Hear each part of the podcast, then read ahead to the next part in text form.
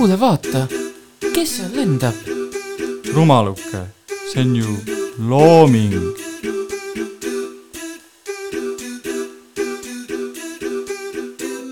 loomelend. tere, armas Põltsamaa raadio kuulaja. eetris on taas Loomelend. mina olen Maarja-Liis Mölder ja mul on täna külas raadio- ja teleajakirjanik ja minu endine õppejõud Taavi Libe. tere, Taavi! tere, tere! Õnneks on niimoodi, et mina olen ülikooli lõpetanud ja sa mulle enam ei saa hindeid panna või kahjuks. aga kui sa peaksid ajakirjandusmaastikule täna mingi hinde panema, siis mis see oleks ja miks uh,? ossarraks alustuseks kohe selline küsimus. ma ei teagi, see ajakirjandusmaastik on meil nii, nii mitmetahuline ja nii, nii killustunud, et on on nagu keeruline nagu sellist ühtset hinnet panna, ütleme nii, et no ma jään siis nagu, nagu viisakalt kriitiliseks, et selline tubli, tubli neli, sellepärast et alati võib paremini, aga ei ole midagi hullu, ma arvan. selge. aga lähme algusesse või peaaegu sinna, et milline õpilane sa olid või mis sulle kooliga seostub, et sa oled ju siin koolis käinud? ja ma olen keskkoolis käinud Põltsamaal põhikoolis ma käisin äh, Viljandi maakonnas Kirivere koolis ehk siis kuskil kahekümne kilomeetri kaugusel äh, Põltsamaalt. ja no seal, ähm, seal ma olin selline tubli nohik.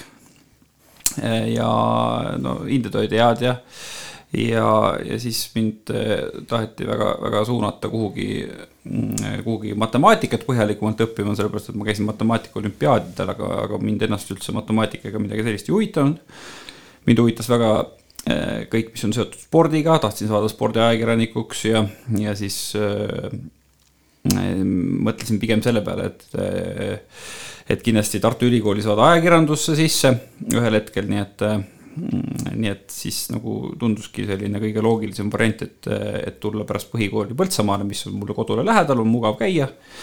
sai kodus käia iga päev, ei pidanud kuhugi, kuhugi ühikasse jääma või mingisse korterisse ei olnud pikk sõit ja, ja siin Põltsamaal ma ei oskagi öelda, mulle väga, väga Põltsamaa kool nagu meeldis ja need inimesed, kes olid minu ümber, minu klass mulle väga meeldis.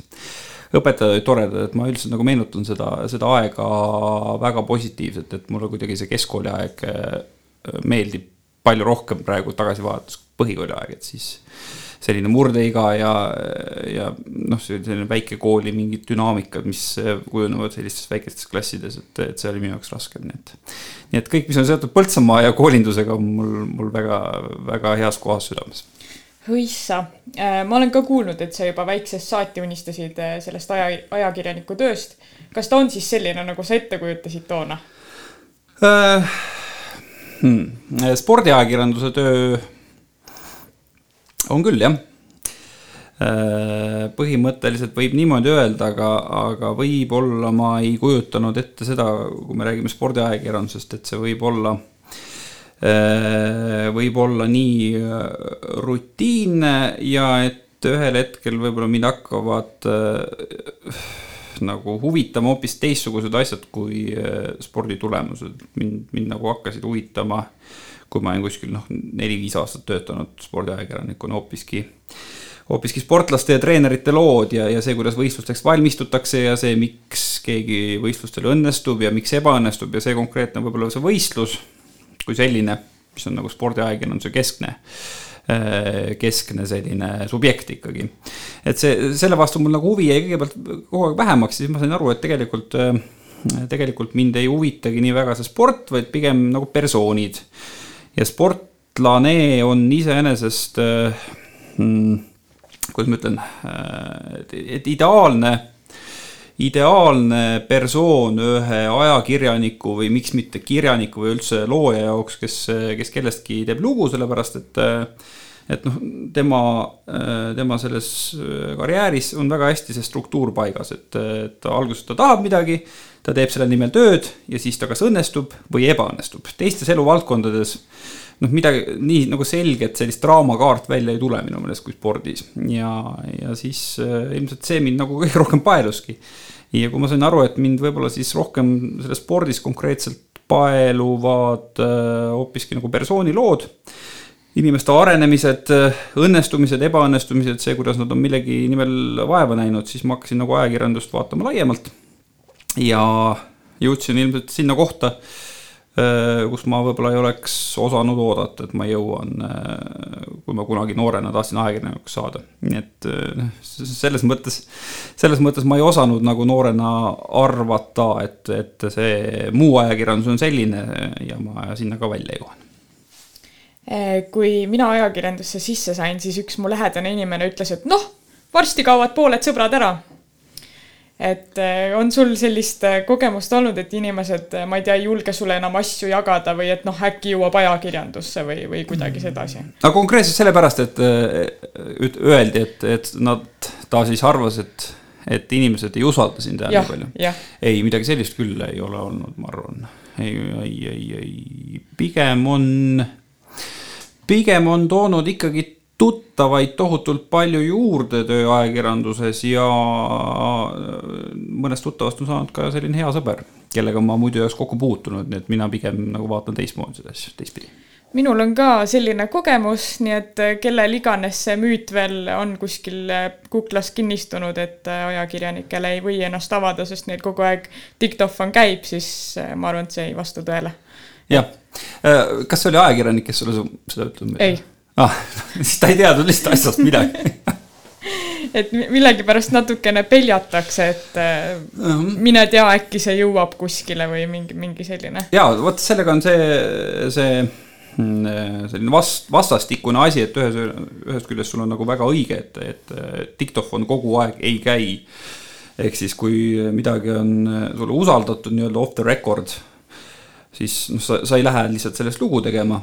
sa võid küll alati küsida, et kas ma võin seda teemat edasi käsitleda või siis kuidagi leida teisi allikaid, kui, kui teema on nagu põletav või oluline äh, aga, aga noh, otseselt ei tohi kuritarvitada, aga teisest küljest äh, ma olen küll seisukohal, et ajakirjanik on nagu ajakirjanik kakskümmend neli seitse, et sa kuidagi ei lülita ühel hetkel välja, et, et nüüd ma kuulan äh, ükskõik, mis nad räägivad ma nagu üldse ei keskendu sellele, kui sa ikkagi nopid sealt midagi huvitavat välja, siis kuhugi kuklasse see talletub, ma arvan, ajakirjanikuna jah, tegelikult tuleb meelde küll, et äh, öeldi ka kuskil loengus, et peaminister on alati peaminister, et kui ta ikkagi sulle midagi jutu sees poetab, siis ja. päris ära unustada ei saa seda. aga ma arvan, et äh, tuleb äh, meelde tuletada tarkusi raadioajakirjanduse loengust, et liiga pikaks ei tohi ühte segmenti venitada nii et äh, siit siis äh, muusikapaus praegu ja näiteks Ursula Tihver.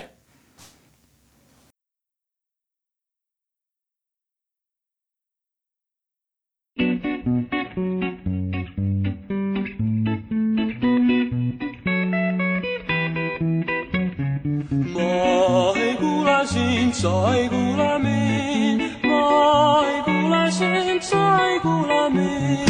kui sa poole seelikust ma tõmbasin, sulle pemariga kõrvale ja pildusin, veid kenad jalad, kenad otsa vastasid.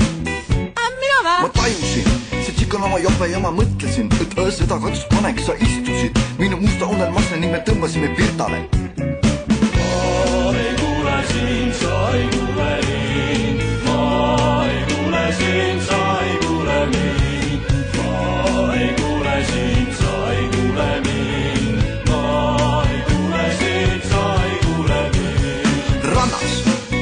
Juba pinnadega tõmban, torso välja nahast särgist sa küsid, mida mina nüüd siis teen, ma vastan, ole ilus.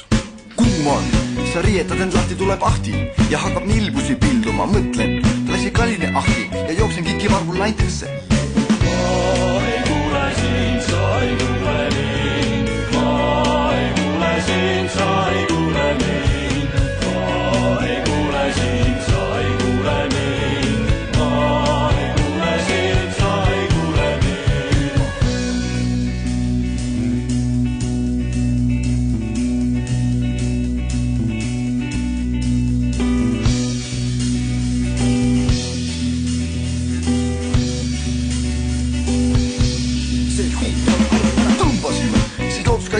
ja mõtlesin, et ikka vaja on mu kalale. jõudsime siis autoga metsa. kui bensiin sai otsa. lükkasime, lükkasime, lükkasime, lükkasime, lükkasime auto metsast välja otse tiiki täie täiega triiki, tšikk oli vihane, lihase, vihase.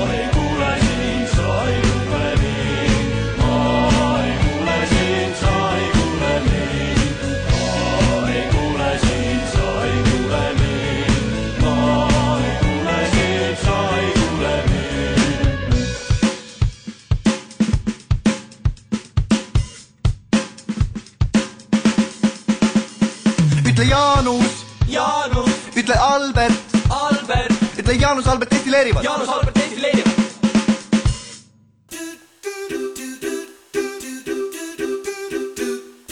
kuule, vaata, kes seal lendab? rumaluke, see on ju looming.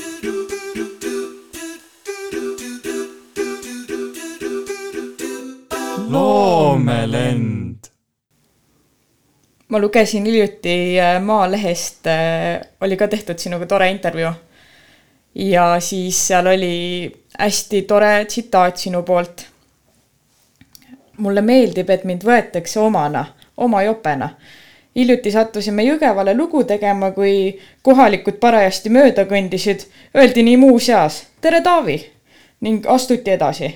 lihtsalt suurepärane minu meelest on see ka hästi tore, et äh, kuidas sa suhestud äh, lihtsate inimestega ja nende eludega, aga ma jäin mõtlema, et kas see on kuidagi, kas see omamehelikkus, kas see on kuidagi loomuses või on see ikkagi ka omandatav? uh,. kindlasti on omandatav. Et äh, omamehelikkus, omamehelikkus, see on nagu, nagu keeruline, et kuidas seda terminit defineerida, et, et iseenesest ma olen hästi introvertne. ja kui, kui jätta kõrvale kõik see ajakirjandus, siis ma ei läheks nagu lihtsalt inimesega juttu ajama, sest ta tundub tore või ta tundub huvitav aga kuna minu karjäär nagu seda eeldab ja, ja tööd seda eeldavad, siis äh, mul ei ole nagu probleemi seda teha. aga, aga kui no konkreetselt rääkida seda, et, et äh, ma olen introverdina ikkagi olnud sunnitud päris palju ka oma sotsiaalseid oskusi äh, arendama, selle peale mõtlema, inimestele lähenemist äh, harjutama, seda enne läbi mõtlema, inimpsühholoogiaga võib-olla rohkem, rohkem äh, ennast äh, kurssi viinud, kui, kui ma muidu oleks teinud, kui ma mingis teises eluvaldkonnas tegutseks introverdina, et, et selles mõttes ma võin küll julgelt öelda, et see on, see on omandatav. seda on hea kuulda, sa satud äh, äh, nüüd läbi Suve-Taaviga ja eelnevalt oli märgatud Eestis äh, palju ju üle Eesti ringi käima ja ka väikestesse kohtadesse, kas on siis äh, need väikelinnad nii depressiivsed või kuidas sulle tundub? Äh, keeruline küsimus selles mõttes, et ma, ma arvan, et igal pool on nagu depressiivseid, depressiivseid mingisuguseid nurgakesi, nii väiksemates linnades, suurtes linnades on erinevaid probleeme, et, et nagu üldistada, üldistada ei maksa, aga, aga kui võib-olla tulla tagasi selle juurde, kui kunagi see laul välja tuli, Depressiivsed Eesti väikelinnad, siis ma mäletan, et hästi, hästi kurjad olid äh, paljud inimesed, et kuidagi mm, väikeseid linnu tehti maha selle lauluga. mina nagu näen seda teistmoodi, et pigem on, on see see, et, et äh, Tallinn niikuinii, Tartu natukene vähem, Pärnu ka natukene vähem, kuidagi võtavad äh, äh, nii suure tähelepanu avalikkuses ja avalikus meediaruumis endale. et äh, nagu jõuliselt tuleks lükata ka väiksemaid linnu ja väiksemaid kohti ja ka nende muresid esile, et see ei ole, väiksed kohad ei ole lihtsalt see, et sa sõidad Tallinn-Tartu maantee peal ja keerad korra sisse ja käid kohvikus või Põltsamaa puhul kasvõi käid siin siin lossi vaatamas, eks, et, et siin on ka inimesed, kes nagu on oma muredega ja tihtipeale on need mured väga suured ja on oma, oma sellised noh, ütleme siis kohaliku omavalitsuse probleemid. on teemad, millega tuleb tegeleda ja, ja selles mõttes see, kui nagu popmuusikas öeldi välja, et, et väikelinnad on depressiivsed, võib-olla kuidagi pani mõnda inimest ka rohkem mõtlema, et ahaa, seal ka elatakse päris elu, et see, see ei ole nagu mingi Potjomkini küla, kus sa käid lihtsalt kohvikus, kui sa Tallinnast Tartusse sõidad, selles mõttes on nagu tore, aga aga kui nüüd ringiga su küsimuse juurde tagasi tulla, siis siis ei ole väikelinnad kuidagi depressiivsemad kui suurlinnad, aga, aga depressiivsust on mõlemal pool, ma arvan. ma jäin mõtlema selle üle, et äh, tean ka ühte inimest, kes oli väga turris selle laulu peale äh, siitsamast. aga nüüd ta mõnda aega tagasi ütles mulle, et tead, et Maarja-Liis, et äh, tegelikult see laul on vist õige. et on vanem inimene ja tal on hästi kurb meel selle üle, et meil see infrastruktuur ja bussiliiklus ja kõik see on mm. Nagu jäänud hästi kehvaks.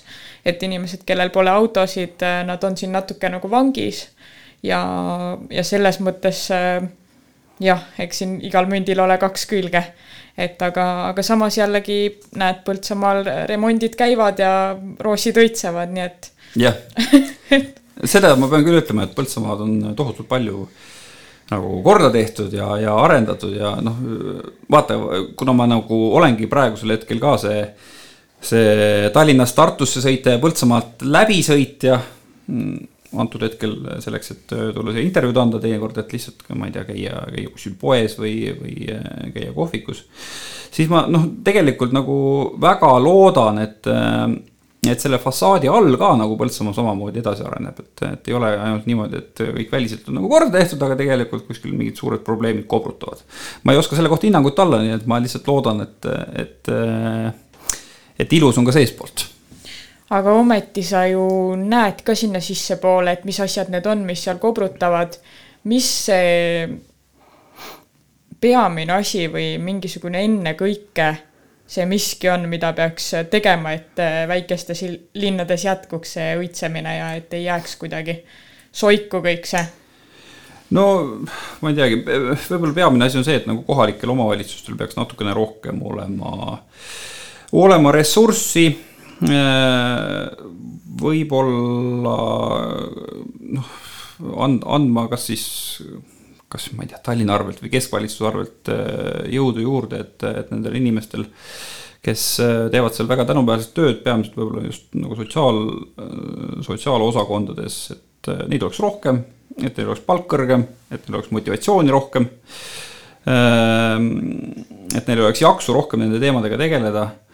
Ja ma arvan, et sealt hakkab see, see kõik nagu pihta, sellepärast et kui me räägime sellest, et Tallinnas on, on mingisuguse ühe linnaosa kommunikatsiooniosakonnas üle kümne inimese palgal ja siis on selline seitsme-kaheksa tuhande inimesega kohalik omavalitsus, kus on noh, minu meelest küll kõige olulisemas osakonnas, sotsiaalosakonnas on kaks või kolm inimest tööl sellise Eesti vähem kui keskmise palgaga, siis noh noh, ei, ei saagi nagu kõike aidata selles väikses omavalitsuses, et see on võib-olla peamine. aga sina oma saadetes oled küll aidanud nii mõndagi inimest. kas sul on mõni lugu rääkida, kus tõesti äh, tänu äh, sinu osalusele siis on keegi, keegi saanud abi ja see on eriti hinge läinud? ikka on jah, ma igaks juhuks ütlen, et, et et ega, ega mina ja, ja meie saatetiim, me ei ole nagu kuidagi võtnud nagu eesmärgiks, et, et see peaks olema nüüd selline saade, et keegi saab abi. et, et televisioon nagu see ei ole see nagu kiirabi. ja üldiselt on ikka pigem ajakirjanduse ja televisiooni eesmärk äh, tähelepanu kuhugi juhtida äh, mingil põhjusel, kas sellepärast, et seal on midagi väga huvitavat, midagi on väga hästi tehtud või midagi on nagu halvasti. ja ja see on nagu peamine ja pigem siis nagu aitajad võiks olla, olla teised, kellel on see võib-olla äh, nagu tööülesannete hulgas ja kellel see tuleb paremini välja ka. aga kui konkreetselt rääkida millestki, mis on saanud lahenduse, siis kõige rohkem on vist hinge läinud äh, äh, ühe pere lugu Lääne-Virumaal äh,. Neil läks tõesti valist, et, et oli vanaema ja ema ja siis oli väike äh, kaheaastane tütar ja äh, nad elasid Kehras Tallinna külje all ja äh, otsisid endale uut kodu, sellepärast et siis äh, selle eelmise koduga vist juhtus midagi. vist oli niimoodi, et see üürileping lõppes, eks. ja vaatasid, ohoo, Lääne-Virumaal on müügil üks korter viiesaja euroga. tohutult odav korter, ostsid kohe ära, läksid kohale, vaatasid, et, et see korter ei ole elamiskõlbmatu ei ole elamiskõlblik, on elamiskõlbmatu. ja, ja siis äh, vaatasin, et aga siin üle, üle trepikoja, seal on teine korter veel ja see on nagu tunduvalt paremas seisus ja see maksab ka viissada eurot. siis ostsid teise korteri veel ja läksid sinna paremasse korterisse elama, aga, aga tuli välja, et seal oli hästi palju varjatud puudusi ja lagi hakkas tasapisi nagu kaela kukkuma ja minuga võtsid nad ühendust siis pärast ühte konkreetset juhtumit, kui selle kaheaastase tüdruku kõrvale kukkus päris suur tükk laest, mis oli vist ikkagi enam kui kilo raske, nii et läks päris õnneks. ja siis me käisime seal ja, ja näitasime seda olukorda ning minuga võttis ühendust öö, üks naisterahvas Rakverest, kes öö, ütles, et noh, tema nagu suureks eesmärgiks on seda perekonda aidata. ja me koos siis panime püsti sellise äh, suuremat sorti korjanduse ja, ja hakkasime otsima uusi kortereid ja siis lõpuks me saime siis äh, sellele perekonnale uue, uue korteri ja tore on ka see, et äh, siis see naisterahvas. Ja see pere on saanud hästi lähedasteks sõpradeks, nii et, et lisaks sellele, et nagu õnnestus äh, elujärge parandada, siis õnnestus ka inimesi selles mõttes kokku viia, kes nagu hoolivad üksteisest, kellel on nagu tore külas käia üksteisel, kellel on tore nagu juttu ajada, et et see tegi nagu südame soojaks, et hästi sihuke inimlik lugu oli. väga hea kuulda. nüüd lähme taas muusikalisele pausile. loo pealkiri on Mis kuradi kohas ma elan. Aapo Ilves on teinud sellele sõnad ja tegelikult, kui hästi kuulata, siis seal on positiivne iva sees ja laulab Brigitte Murutar iga päevaga enam ja enam üks küsimus vasardab peas. mis kuradi kohas ma elan ja miks mul ei ole siin hea? kui hingedelt langemas värav ja sõõrmetes kolkunud lehk kas nõrgemad kolivad ära või hoopiski tugevad ehk. oh, kuidas on juhtunud nõnda, et kadumas isade au. kurb on see laul, pole tröösti tal sees. mis kuradi kohas ma elan mida ma edasi teen.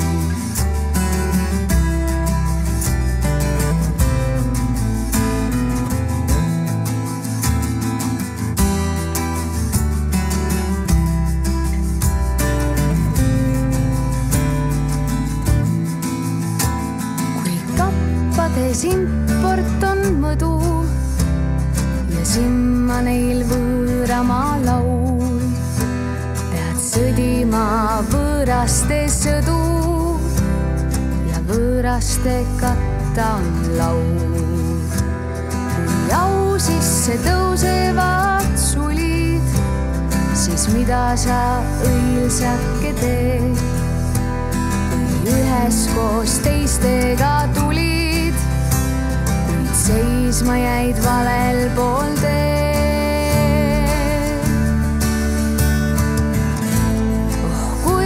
Kuidas on juhtunud nõnda, et kadumas emade hool. kurb on see laul, pole tröösti tal sees. mis kuradi kohas ma elan ja mida ma edasi teen.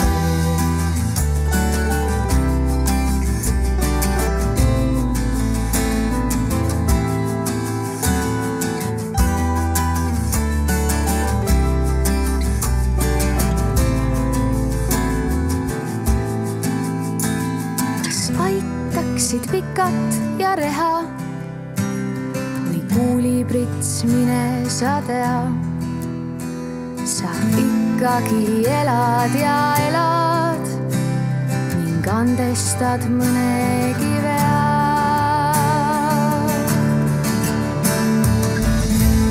on kuidagi juhtunud nõnda,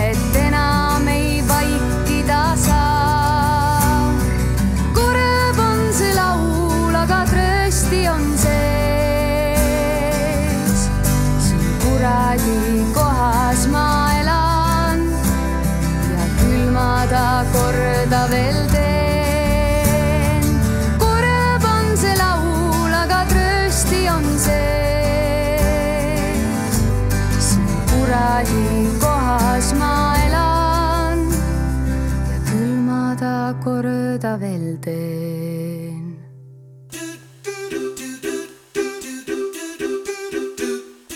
kuule, vaata, kes seal lendab?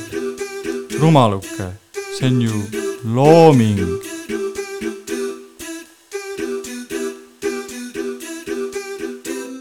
loomelend tere tagasi kuulama Loomelendu. mul on jätkuvalt külas äh, Taavi Libe, me räägime ajakirjandusest, aga ka äh, elust üldiselt. oled sa mõnda lugu kahetsenud ka, mõelnud, et poleks vaja olnud? mm,. ei ole. jess, sul on hästi läinud, saad hästi magada. mina olen äh, vahel mõtelnud selle peale, et äh, mõned inimesed, keda sa külastad mm,, võib-olla see tundub mulle nii ja ma ei tea, kuidas seda täpselt öelda, aga nad on võib-olla natukene lihtsameelsemad kui mõned teised. ja siis natukene tekib see küsimus, et kas nad ise saavad aru, et mida see meedia tähelepanu kaasa toob. ehk et kas sa kuidagi mõtled selle peale, kas sa oled kuidagi enda jaoks selle ära lahendanud? mm,.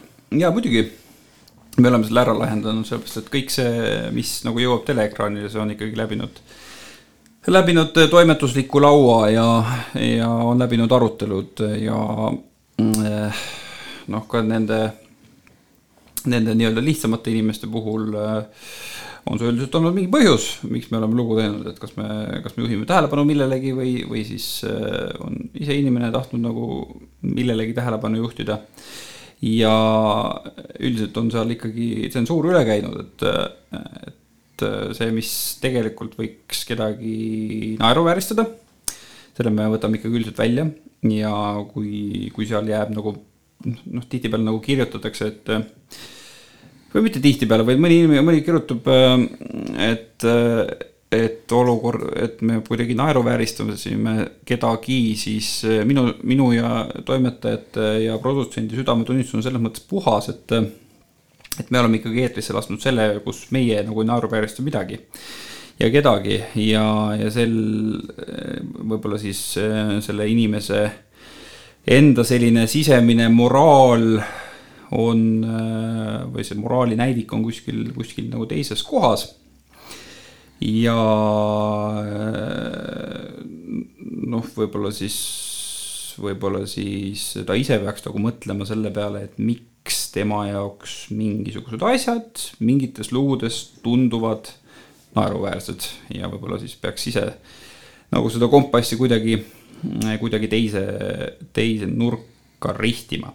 aga kui nüüd tulla selle küsimuse juurde algselt tagasi, siis äh, äh, tänapäeval on, on väga äh, rangelt reguleeritud see äh,, millisel juhul ja millist materjali sa võid inimesest eetrisse lasta.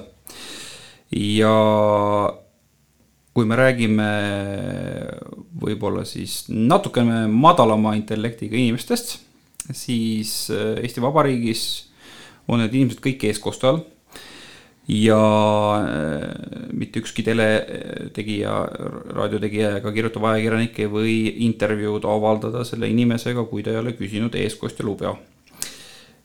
juhul, kui seda eestkostjat ei ole, siis äh, võib see inimene ise otsustada, mida ta tahab teha. ja sellisel juhul oleks minust või mõnest teisest saatetegijast pigem kuidagi, kuidagi nagu ebaviisakas äh, öelda, et kuule, et sa tahad, sa tahad seda rääkida, sa tahad, et see lugu jõuaks kuhugi eetrisse. aga mina nagu võtan äh, vastutuse ja ütlen, et sa ei tohi seda nagu teha, sellepärast et minu meelest oled sa natukene lihtsameelne, et see on kuidagi väga selline, selline kitsarinnaline ja, ja patroniseeriv suhtumine minu meelest ma olen absoluutselt nõus ja ma ei ole ka tajunud mitte mingit sellist äh, naeruvääristamist ja, ja teiseks, et äh, noh, kui me võtame Nõukogude aja, seal ju oli selline suhtumine, et ärme näita, ärme räägi teistsugustest inimestest, siis justkui neid ei oleks, aga, aga nad ju on ja, ja nad tahavad ka tööd leida või armastust leida või, või mida iganes, et et äh, ma, ma olen ise erivajadusega inimene, nii et ma võin, ma võin nende eest ka veidi rääkida võib-olla. ja et kui me räägi-, kui me räägimegi võib-olla just nagu, nagu vaimse erivajadusega inimestest, siis hästi palju on selliseid inimesi, kes, kes ei jõua nagu äh, sotsiaalsüsteemi et me tegime eelmise aasta sügisel ühte lugu Tartumaal elavast härra Mardist, kellel oli ka noh, hästi-hästi kerge sihuke äh, äh, siis vaimupuue hästi,, hästi-hästi kerge vaimupuue. võib-olla siis vaimne mahajäämus natukene. pigem jah, maha, mahajäämus, ütleme nii, on terminoloogiliselt õige, ma neid termineid väga täpselt ei tea. aga äh, ta, ta oli üritanud nagu siseneda mingisse sotsiaalsüsteemi, tema eesmärk oli saada tööd, ta ei tahtnud saada toetust. Ta ei tahtnud saada mingisugust äh, nii-öelda vaimse mahajäämusega inimestele mõeldud, mõeldud projekti, midagi sellist ta ei tahtnud. ta tahtis lihtsalt teha tööd nagu tavaline inimene ja, ja seetõttu tal ei olnud mingit eestkostjat, tal ei olnud isegi vaja, on ju. aga mitte ükski Eesti sotsiaalsüsteemi ametnik teda ei saanud ka aidata, sellepärast et ta lihtsalt ei soovinud sinna siseneda. ta sai väga hästi oma eluga hakkama, ta lihtsalt tahtis tööd teha ja kokkuvõttes siis ta tuligi meie saatesse ja me leidsime talle töö ka ja, ja minu meelest nagu oluline, et, et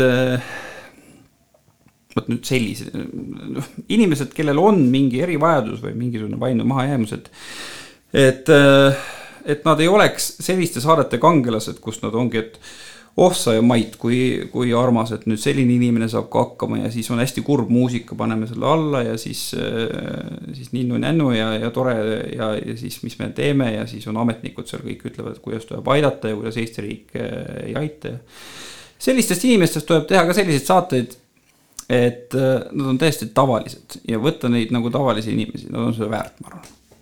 Absoluutselt nõus.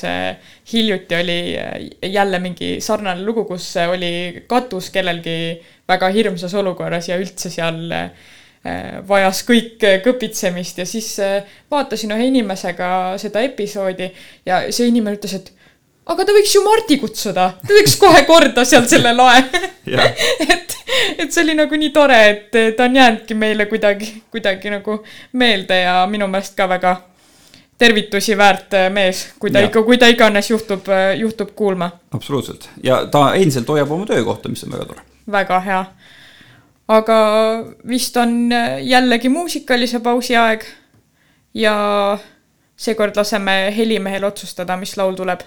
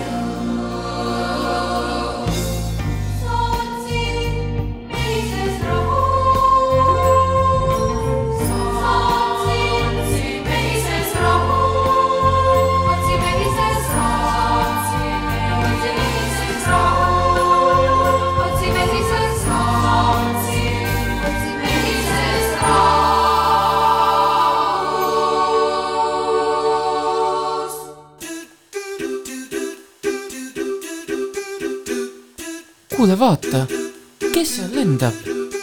rumaluke, see on ju looming.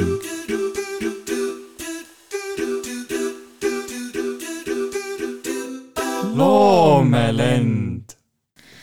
no nii, hea kuulaja, Loomelend on äh, tagasi, mina olen äh, Maarja-Liis Mölder, külas on Taavi Libe ja sa enne ütlesid äh, seda, et, et ajakirjandus ei ole ju tegelikult äh, mingi kiirabi mm. -hmm. aga millegipärast ikkagi on välja kujunenud niimoodi, et kui on mingid hästi kaua vindunud probleemid või mingid konfliktid inimeste vahel, siis eh, kui lust või libe ukse taha ilmub, siis on oi jah, ja, ja me kohe teeme korda, kõik saab kuidagi. et, et kas, kas seda tendentsi saab kuidagi nagu muuta ka või see jääbki eluks ajaks nii, et kui kaameraga ukse taha tullakse, siis ikkagi tehakse korda? mm,. no esiteks, ega iga kord ei tehta ka. aga ma ei tea, võib-olla, võib-olla siin on, siin on kuidagi mingi, mingi inimloomuse ürgosa. et, et mingisugused teemad jäävad vinduma ja mingisugused tülid on sellised, et, et nad ilmselt hakkavad hästi väikestest asjadest, no hästi palju on selliseid naabrite tülisid, korteriühistu tülisid. ma kujutan ette, et väga palju neist algavad niimoodi, et inimesed äh, näiteks äh, saavad äh, trepikojas kokku ja üks vaatab teisele justkui natukene kurjemalt äh, näkku, teisel jääb selline mulje, ahaa ma ei meeldi talle. Ja siis hakkab mingi asi vinduma ja siis tuleb mingi korteriühistu koosolek, kus äh, tekib mingisugune probleem, siis on juba see mingisugune äh, selline taju all, et ma nagunii ei meeldi talle, nüüd ta hakkab selle korteriühistuga ka mulle keerama ja nii edasi ja nii edasi. Ja lõpuks äh, ongi tüli, mis võib kesta aastakümneid. ja võib-olla siis ongi vaja mingil hetkel sellist suurt raputust, et näed, televiisor tuli nagu ukse taga, et mõnikord selline asi ka aitab, et, et selles mõttes on ikkagi vist, vist see selline. ma isegi ütleks eestlase, võib-olla siis inimese arhetüüp, see Tammsaare Andrese Pearu värk, et ei, ei mäletagi nagu, et kuskohast see tüli täpselt algas, aga, aga tülitsetud on viiskümmend aastat juba ja ega ära ka ei lepi. jah, vist on küll nii. on tehtud uuringuid, et tegelikult selles infomüras, mis meid eh, kogu aeg ümbritseb, inimesed eh, nagu muutuvad ärevamaks ja võib-olla isegi mingid ärevushäired süvenevad ja midagi. ja tegelikult inimene siin ju ise saab eh, ennekõike kontrollida, et palju ta siis seda meediat tarbib ja mida tarbib ja kõike seda. aga et eh, mis sina arvad, kas on ka meedial siin mingisugune vastutus, et noh, ei, ei tee siis võib-olla nii mm, äreva, ärevaks tegevaid uudiseid, et e, iga, igasugune ettevaatus, seekord on borrelioos no veel mürgisem ja veel õudsem ja, ja, ja ettevaatust tegelikult kuskil ütles Putin, et meie oleme järgmised, täpselt ei tea kus, aga, aga et kas saab midagi teha, et et meediaga seda ärevust nagu nii väga seda fooni ei, ei kütaks mm. -hmm. noh, see on teema, mille üle on ikka arutletud ja seda on, on nagu hästi-hästi keeruline paika panna, et ühest küljest jah. minu üldine soovitus inimestele on, et, et tarbige või nagu reguleerige oma meediatarbimist, et piisab sellest, kui sa, ma ei tea, scroll'id uudiseid noh, paar korda päevas vaatad uudised üle, vaatad õhtul Aktuaalset Kaamerat, vaatad mingit saadet, mis sulle meeldib, kuulad mingit raadiosaadet, mis sulle meeldib, sellest piisab. Ja oled väga hästi eluga kursis, kui paar päeva jääb vahele, ei vaata üldse uudiseid, sest ei ole mitte midagi, maailm täiesti toimib rahulikult edasi. ja ma kujutan ette, et tavaline inimene võib-olla, võib-olla nii hullult palju ei, ei ela ka uudismaailmas, kui võib-olla ajakirjanikud seda ette kujutavad ja ajakirjanikud ise elavad, aga, aga kui selle meedia vastutuse juurde tulla, siis äh, no võtame näiteks Eesti Rahvusringhäälingu, siis äh, seal ei ole selliseid, selliseid uudispealkirju. maksumaksja raha eest tehtud avalik-õiguslikus meedias äh, on, on noh, küllaltki nagu normaalsed pealkirjad, normaalsed uudised, kus, kus nagu ei kö- köeta seda, seda ärevust. erameediat tehakse nagu ettevõtjate raha eest ja paratamatult eesmärk on teenida kasumit ja nii kurb, kui see ka ei oleks, siis äh, need ettevaatust sel aastal on borrelioosi oht palju suurem. selliseid uudiseid inimesi, inimesed klikivad rohkem, mis omakorda tähendab, et äh, nagu kasumile orienteeritud ettevõtte puhul on, on keeruline loota, et järsku see mudel nagu ümber tehakse, et jällegi inimene saab ise reguleerida, et kui kuidagi me kollektiivselt äh, kollektiivselt otsustaks, et me sellist äh, pealkirja ei kliki, siis äh, ma arvan, et võib-olla mitte, mitte, mitte samal suvel, aga järgmisel suvel tehakse hoopis teistsugune uudis borrelioosi kohta, sellepärast et eelmisel suvel selline, selline ärevust tekitav pealkiri ei klikkinud, nii et, et see on nagu selline nokk kinni, saba lahti olukord, et, et selleks, et midagi reaalselt muutuks, peaks võib-olla eelkõige tarbijaga natukene teistsuguseid otsuseid tegema kuskil portaalides surfates, aga kui äh, tõesti tarbijat väga häirib, siis soovitan Rahvusringhäälingut lugeda.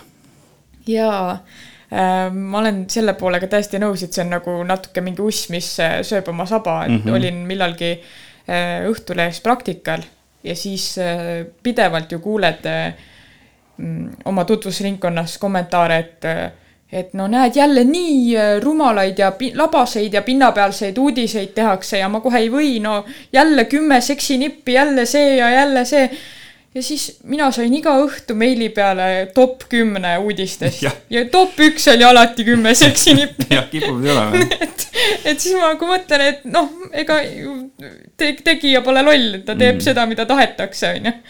et, et jah, ühesõnaga see on see balansi hoidmine, mis seal erameedias noh, on keerulisem mm, -hmm. et kuigi ja- ka nendes portaalides minu meelest on nagu, on nagu äh, see asi muutunud, et et ega ne- selliseid portaale Ameerikal ei ole, kes ainult nende seksinippide peal elab, et äh, võib-olla siis üks uudis tuleb päevas ära ka Õhtulehes, aga, aga Õhtulehes on ka väga, väga kuldaväärt materjali, Õhtulehe ajakirjanik on võitnud Bonnieri preemia, uuriva ajakirjanduse preemia, nii et seal tehakse ka teistsugust tööd, aga noh, paratamatult sa pead selle klikkide korjamiseks sellise vana mudeli võib-olla siis korra päevas või, või, või kaks korda päevas nagu üle käima, et, et pealkirja pealt nagu klikke teenida.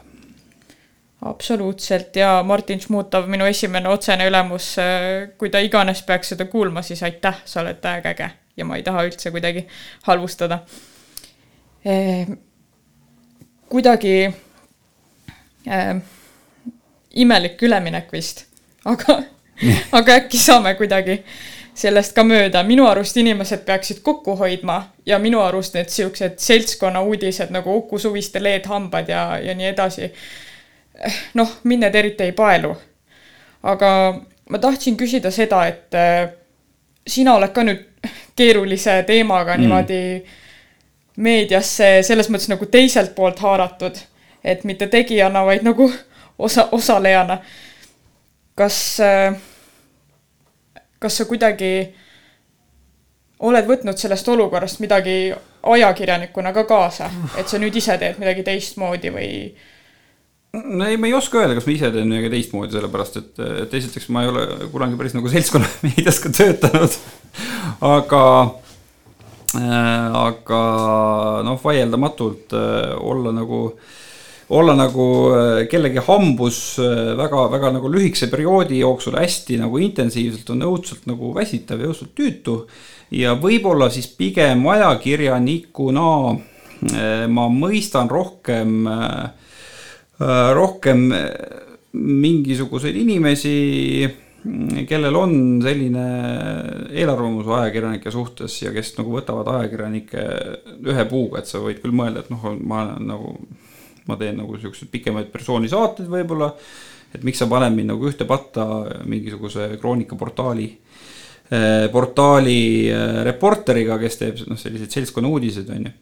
aga noh, tegelikult kui, kui ikkagi meedia on sulle nagu haiget teinud, siis noh, ma saan täitsa aru, et äh, miks, miks mingid inimesed on hästi, hästi nagu äh, tugeva enese alalhoiu instinktiga ja miks neil on, neil on nagu keeruline avaneda ükskõik millise ajakirjaniku jaoks, et selles mõttes.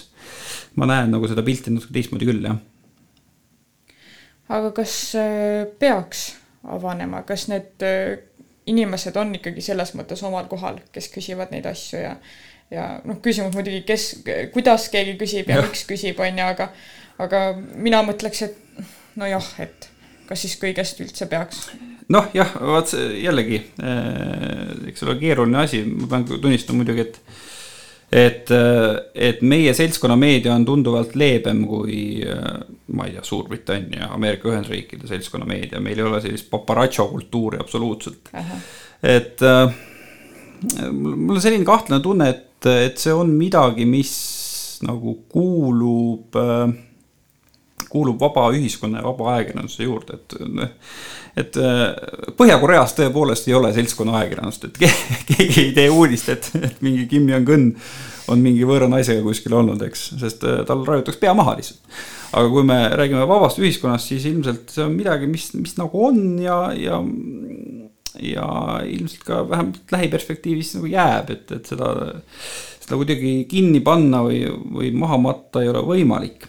teisest küljest see on na- nagu natukene no Eesti kontekstis on see totakas, sellepärast et, et meil ei ole ju tegelikult nagu staare, eks. et mm, -hmm. et praktiliselt kõik ajakirjanikud tunnevad neid inimesi, et sa võid paljudega oled koolis käinud, on ju, ja nii edasi ja nii edasi, nii et äh, teisest küljest äh, eks see nagu ongi nagu tihtipeale valus nii, nii selle jaoks, kes nagu jääb hambusse, kes saab mingi ebameeldiva küsimuse. kui ka ma kujutan ette, et selle küsija jaoks, et, et sa pead seda nagu tegema oma tuttavale, et äh, Ameerika Ühendriikides äh, see ajakirjanik, kes küsib, ma ei tea Kim Kardashianilt ebameeldiva küsimuse, ta ei ole kunagi seda Kim Kardashiani kohanud varem, ilmselt ta ei kohta ka, see on ainuke mm -hmm. küsimus, ainuke kontakt elu jooksul. Eestis on, me oleme nii läbi põimunud, et et, et sellist inimlikku fooni on ka seltskonna ajakirjanduses tunduvalt rohkem, aga ilmselt jah, kinni keerata seda ei ole võimalik või siis, või siis peaks meie ühiskonna, ühiskonna korraldus muutuma millekski selliseks, mis mulle ei meeldi, et ma pigem nagu eelistaks demokraatlikku ühiskonda ja seltskonna ajakirjandust kui mingit diktatuuri ja seda, et seltskonna ajakirjandust ei ole. jah, jäägu, olgu jääv meile demokraatia, aga jääme selle juures ka inimlikuks ja, ja hoiame kokku ja eh, tegelikult me olemegi eh, jõudnud lõpusirgele oma, oma saatega. ma, ma väga tänan sind, Taavi, mul oli väga huvitav ja ma loodan, et kuulajal ka. ja soovin eh, omalt poolt eh, ilusat suve jätku ja kõike head kuulajale aitäh, et kutsusid ja aitäh Põltsamaa rahvale, te olete mul ikkagi südames ja, ja loodetavasti ma siis satun siia tihemini, kui lihtsalt Tallinnast Tartusse sõites ja vahepeal söömas ja poes käies. loodame.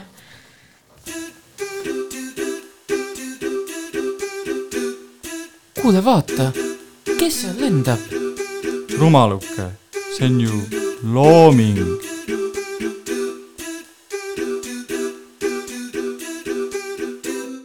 loomelend.